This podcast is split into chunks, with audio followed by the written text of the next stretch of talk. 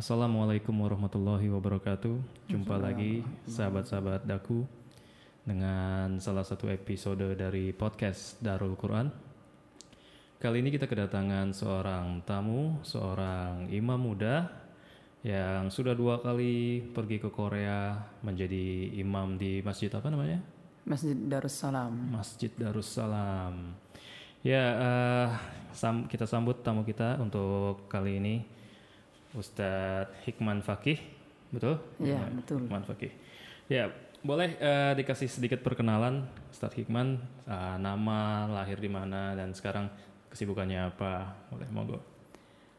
Oke, nama saya Muhammad Hikman Faqih, biasa dipanggil Hikman atau Faqih. Asal saya dari Pemalang, Jawa Tengah.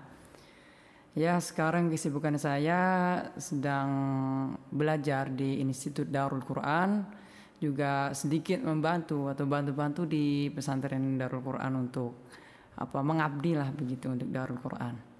Oke, jadi masih tetap be- memberikan sumbangsih juga ya kepada alumninya gitu. ya? Iya, begitulah.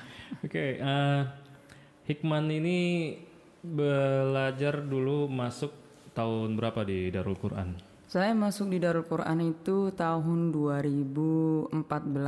Ya, 2014 ya. Iya, 2014. Oke. Terus eh, itu SMA aja apa dari SMP juga? Ya, saya SMA aja. Jadi saya SMP-nya waktu itu di Mondok di Pekalongan di salah satu pesantren di Pekalongan di Buaran. Di SMP lalu kemudian setelah lulus SMP saya pindah ke Darul Quran. Nah, jadi di Darul Quran ini 2014 idat satu tahun, baru 2015-nya saya masuk ke kelas 1 SMA. Dan 2018 alhamdulillah dengan izin Allah saya lulus dari SMA Darul Quran sampai 2018 dan 2019 lulus ngabdi dan sekarang ya melanjutkan pengabdiannya. Oke. Oke. Nah itu eh, Ustadz Hikman ini kan termasuk dalam salah satu program Imam Muda, betul? Betul? Ya, eh, itu kapan itu mulai di direkrut atau di dimasukkan ke dalam program Imam Muda? Kalau dari program Imam Mudanya sendiri itu kan diawali di tahun 2018 ya. Tapi di 2017 itu udah ada tapi dulu namanya bukan Imam Muda. Jadi ya imam aja begitu gitu. Imam aja. Di Imam Ramadan gitu Imam kan. Ramadan. Di tahun 2017. Nah, Oke. itu apa namanya? ada permintaan dari se- seorang yang di Korea langsung sama Ustadz Yusuf Mansur. Terus kemudian Ustadz Yusuf Mansur berpesan atau minta ke Kiai Selamat ya, Ustadz Selamat Ahmad Syam. Lalu kemudian Ustadz Ahmad Syam nariklah beberapa santri dari kita gitu. Oke. Waktu itu persyaratannya apa? Tahu nggak kriteria yang yang eh, untuk bisa masuk ke dalam program imam tersebut? Kalau waktu saya pertama kalinya di 2017 itu ya, saya ya nggak tahu kriterianya seperti apa karena itu modelnya kayak ditunjuk begitu tiba-tiba gitu. Hikman, kamu nanti siap-siap Ramadan imam di Korea begini begini begini begitu. Tapi di tahun 2018-nya di situlah mulai ada seleksi untuk seluruh santri gitu. Dari kelas 8 sampai kelas 12. Bahkan pengabdian pun ada dan ustadz-ustadz senior pun ada beberapa gitu. Ya kriterianya ya yang tahu ya mereka lah ya, ustadz-ustadz senior ya gitu yang yang lebih mengetahuinya. Mungkin ya nggak jauh dari hafalan ya terus juga mental juga begitulah kurang lebihnya begitu. Oke. Jadi nih Hikman nih termasuk pada eh, kelompok pionirnya imam muda gitu ya. Ya. Jadi salah satu uh, awal-awal imam muda terbentuk dan hingga sekarang sepertinya masuk mulai masuk seperti uh, program tahunan ya. Ya insya Allah sih akan jadi tahunan gitu. Oke. Jadi pertama kali setelah ditunjuk uh, jadi imam uh, kelompok imam tersebut atau sekarang sebenarnya imam muda itu langsung ditunjuk untuk mengisi uh, permintaan dari masjid di Korea itu. Iya betul. Oke. Jadi benar-benar pengalaman pertamanya itu langsung keluar ya. Iya itu pengalaman pertama saya apa untuk menjadi imam di luar ya, ya itulah gitu. Jadi kayak sebenarnya kalau pengalaman imam sih saya dari tahun 2015 ya. Setelah saya lulus idat gitu. Jadi setelah waktu itu sudah apa tahfidz nasional ya Itu setelah itu alhamdulillah dengan izin Allah saya sedikit demi sedikit di rumah dulu di musola begitu kan. Terus kemudian di musola terdekat, ke musola ke sana ke sana ke sana terlalu masjid, masjid kemudian tahun depannya bisa id di lapangan di imam sholat id di lapangan di tahun 2016-nya itu.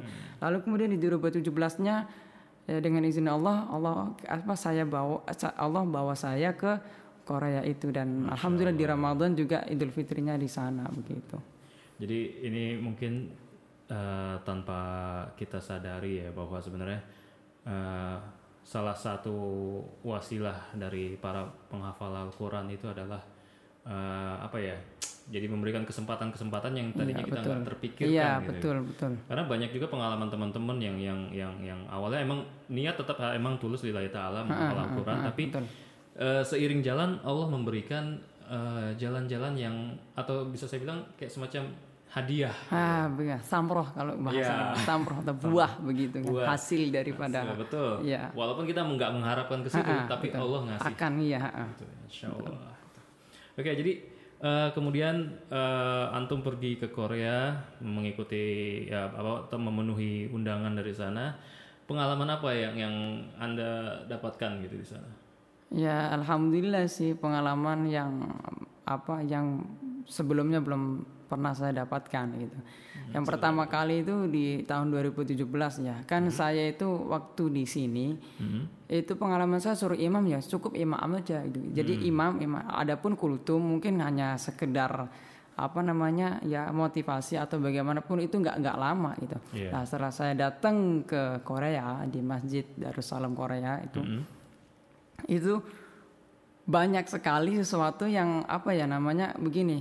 Jadi seakan saya itu udah dianggap di situ sebagai ustadz yang harus mengawasi atau menangani jamaah-jamaah situ. Jadi mau nggak mau ya saya harus apa ya ceramah lah atau mungkin ngajarin ngaji atau mungkin ngajarin kore atau dan lain sebagainya. Dan itu itu suatu hal yang baru yang baru saya dapatkan untuk apa mendakwakan yang seperti itu di masyarakat ya. Jadi kalau lalu-lalu kan dulu-dulunya hanya imam aja begitu Iya. kan. Nah, ketika datang di di Korea itu ya, disuruh imam disuruh ngajar disuruh ini disuruh itu gitu lah dan itu nggak terbayangkan ke saya gitu. Saya pikirannya imam ya udah imam aja. Dan Imam, ternyata iya. saya pikirnya juga hanya imam Ramadan. Ternyata malah full dari subuh zuhur asar Oh, maghrib gitu. isya itu. Sampai ya begitulah. Akhirnya jadi seperti kayak di diangkat sebagai imam besar di lah sana. gitu. iya seakan jadi saya itu ya gimana ya? Ya begitulah menarik menarik menarik.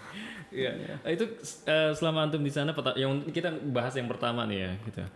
Eh, kaget gak ngelihat maksudnya antum udah pernah keluar negeri belum sebelumnya sebelum ke Korea Eh, sebelum ke Korea pernah ke eh paling ke Mekah ke Madinah waktu Iya. itu umroh ya. Maksudnya di luar Mekah dan Madinah itu pertama kali antum ke eh, Qatar pernah. ke Qatar tapi hanya transit aja itu. Nggak dihitung. Transit. Ya penting udah pernah gitu kalau belum keluar terminal itu belum ya? Oh, iya. gitu. Oke oke oke. Iya iya iya. ada berapa eh, warga Korea asli yang yang sudah jadi eh, Muslim di sana? yang saya dapatkan waktu itu eh, satu ya itu mualaf itu orang namanya itu siapa itu nama Koreanya tapi setelah masuk Islam dia namanya Rahmat. Jadi umurnya 62 atau 67 tahun gitu. Beliau ya alhamdulillah masuk Islam dan yang lainnya sebenarnya ada juga cuma uh, belum saya temuin langsung begitu paling hanya di Masjid Itaewon Masjid Itaewon itu salah satu masjid terbesar yang ada di Korea ibarat kalau di Indonesia itu Masjid Istiqlal begitu Oh gitu. Nah, itu Ada di sana yang pusatnya ya? kayak yang mengelola orang-orang Korea asli begitu. Jadi orang Islam Korea asli begitu. Oke oke oke oke. oke. Iya. Masya Allah.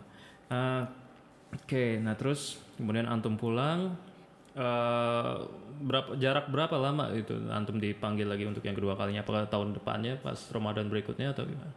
Eh ta- dipanggilnya itu dua tahun kemudian. Sebenarnya sih tahun ke depannya itu mereka sudah nelpon langsung ke saya dan bilang minta untuk diisi gitu. Cuma waktu itu di tahun 2018-nya ini ada program imam muda dari Darul Quran yang resmi begitu loh, Oh, iya, yang yang yang seleksi di- begitulah, yang mulai itu lah. Dengan izin Allah atas izin Allah saya tuh dapat tugas di Jepang waktu itu. Oh ke Jepang jadi iya. tahun setelah itu ke Ya. Jepang dulu. Ya, ya, jadi saya sama Korea tuh nggak bilang iya juga nggak bilang enggak. Saya cuma bilang insya Allah nanti saya usahakan kalau memang saya nggak dapat apa namanya apa-apa tugas apa-apa dari pesantren saya insya Allah akan berangkatlah ke Korea. Tapi kalau misalkan kok ada tugas dari daku dari pesantren saya diarahkan ke sana ya saya ikut pesantren gitu. Dan dengan izin Allah eh, saya dapat tugas ke Jepang waktu itu. Nah, Di Jepang itu sebagai eh, sama imam juga, eh, imam Ramadan waktu itu. Ramadan. Tapi ya takdir ya qadarullah gitu kan. Visa ya kendala di visa biasa kan kita ah, Iya. lama menunggu sampai dua minggu di Ramadan itu nggak bisa nggak keluar begitu akhirnya Oh. eh, Ustaz eh, Termidi dan tim dari Imam Muda ini memutuskan udahlah nggak usah aja kalau memang ribet mungkin insya Allah di tahun depan atau kapan Oh jadi Jadi- eh, nggak jadi ya nggak jadi itu? gitu jadi Oke oke. jadi ya apa ya ya Ya udah. Gimana gitu? Emang memang ini itu ya. takdir Allah yang harus kita terima dengan ya Ya insya Allah eh, Ada sebentar, kebaikan di sebentar lagi berangkat ke Jepang juga insya Allah. Amin, Kita nggak insya tahu Allah. Entah kapan insya Allah. Mungkin amin kalau amin ada insya rezekinya. Ya, mungkin kita bareng nanti bang Ya amin ya Allah amin amin siap. oke oke Oke, eh, sekarang eh, pertanyaan yang yang mungkin antum udah sering dengar juga ya. Eh, ada nggak sih tips-tips yang bisa antum eh, sharing gitu, terutama kepada adik-adik kita atau orang para pendengar kita nih yang sedang eh, berusaha untuk menghafal Al-Quran gitu. Kira-kira tips apa yang yang bisa antum sharing gitu kepada mereka? Oke baik. Jadi yang namanya menghafal Al-Quran itu kita nggak hanya mengandalkan kecerdasan, juga tidak hanya kepintaran begitu kan ya. Mentang-mentang dia pintar, mentang-mentang dia cerdas itu terus menghafal Quran ya memang itu perlu akan tapi bukan tujuan utama. Yang perlu kita apa jalani, yang perlu kita jalankan itu adalah eh, apa namanya kalau kata orang Jawa itu tirakat begitu. Jadi apa namanya keprihatinan kita Iya. untuk menghafal Al-Quran itu harus yang lebih begitu. Contohnya misal punya amalan-amalan khusus yang menghantarkan kita untuk bisa mudah dalam menghafal Al-Quran juga menjaga contohnya misal dia itu istiqomah komitmen gitu. Eh, puasa Senin Kamis atau puasa Dawud atau gemar bersedekah setiap harinya segini segini segini. Terus atau duha atau tahajud. Ya itu ibadah-ibadah yang yang apa namanya yang menghantarkan kita kemudahan apa untuk menghafal Quran. Ya intinya sih lebih tingkatkan lagi takwanya kepada Allah gitu agar Allah mudahkan. Itu secara secara umumnya loh ya. Nah kalau tips untuk ngafal Quran sih ya setiap orang itu pasti punya cara dan cara sendiri-sendiri lah ya. Metodenya Ah, beda-beda. metode sendiri-sendiri begitulah. Kalau dari saya pribadi sih yang pertama ya kita doa dulu sih, ya. minta izin begitu sama Allah. Karena ini kan kalamullah Al-Qur'an itu ya perkataan Allah begitu kan. Punyanya Allah harus ya sebaiknya sebagai hamba yang baik itu kita izin dulu sama Allah gitu kan. Ya Allah, ini Quran kalamullah, kalamu ya Allah izinkanlah saya untuk menghafal Quran, mudahkanlah dan gampangkanlah gitulah. Nah, setelah itu baru kita harus sungguh-sungguh tuh. Kan manjada wajada katanya kan. Siapa yang bersungguh-sungguh maka dia akan dapat. Lalu kemudian apa yang sudah kita udah berdoa udah punya niatan gitu terus udah sungguh-sungguh itu udah izin sama Allah. Ya kita harus apa namanya istiqomah mensaro ala derbi wasala jadi kita fokus pada satu tujuan. Jangan kalau misalnya kita pengen ngapal Quran tapi kita malah lewat jalurnya malah misalkan ya ke ke bola. Ya itu boleh akan tapi kan kita kan lagi ke situ gitu lah. Iya, setelah kita mendapatkan itu uh, yang benar-benar yang kita inginkan ya ya ya monggo ya ya insya, apa namanya insya Allah ya akanlah akan ada jalan yang yang Ya, insya Allah ada Ah, ada ketemu solusi. jalannya. ya Setelah itu istiqomah terus kemudian apa? Kita udah niat terus kemudian udah izin kan terus udah bersungguh-sungguh dan juga sudah istiqomah dalam menghafalnya begitu. Ya tapi kok tetap Allah belum kasih mudah Allah belum kasih saya itu hafal Quran. Salah satunya adalah man sabara dhafira. ya kita harus bersabar karena Betul. kuncinya itu ya paling penting juga kita harus bersabar gitu. Kita harus banyak husnudzon sama Allah. Kalau kita bersabar maka kita akan menjadi orang yang beruntung. Betul. Insya Uh, Allah. saya juga pernah dengar gitu. Ini saya lupa saya dengar dari siapa. Tapi uh, ketika kita diberikan uh, bukan ketidakmudahan, tapi uh, sedikit cobaan gitu. Kalau yang lain mungkin bisa hafal dalam satu tahun, Iya. dua tahun. Ah, kalau misalnya kita mendapatkan situasi di mana kita udah lima tahun belum hafal-hafal, ju- justru itu adalah bentuk ah, salah satu bentuk kenikmatan juga karena kita terus mengulang, Nah, mengulang, iya, mengulang iya, betul, proses betul. Heeh. gitu. Karena s- belum tentu juga kalau kita diberikan kemudahan dalam satu tahun hafal, Heeh, heeh. apakah kita bisa menjaga hafalan Ah, kita? itu. Gitu. Karena yang paling sulit adalah bukan menghafal, tapi Ah, menjaganya. menjaganya. Dan ada yang lebih sulit lagi ini mengamalkannya. Nah, Ah, itu. Jadi menjaga mengamalkan itu ya yang yang Betul. Iya, Masya Allah dah. Masya Allah. Ya terima kasih uh, atas waktunya untuk Ustadz Baik, Hikman. baik sama. Insya Allah. Nah terus boleh nggak kasih satu ayat yang antum paling suka gitu sebagai penutup dari kita? Kalau paling suka ya banyak sih. satu aja, satu ayat aja. Oke, saya أعوذ بالله من الشيطان الرجيم. بسم الله الرحمن الرحيم.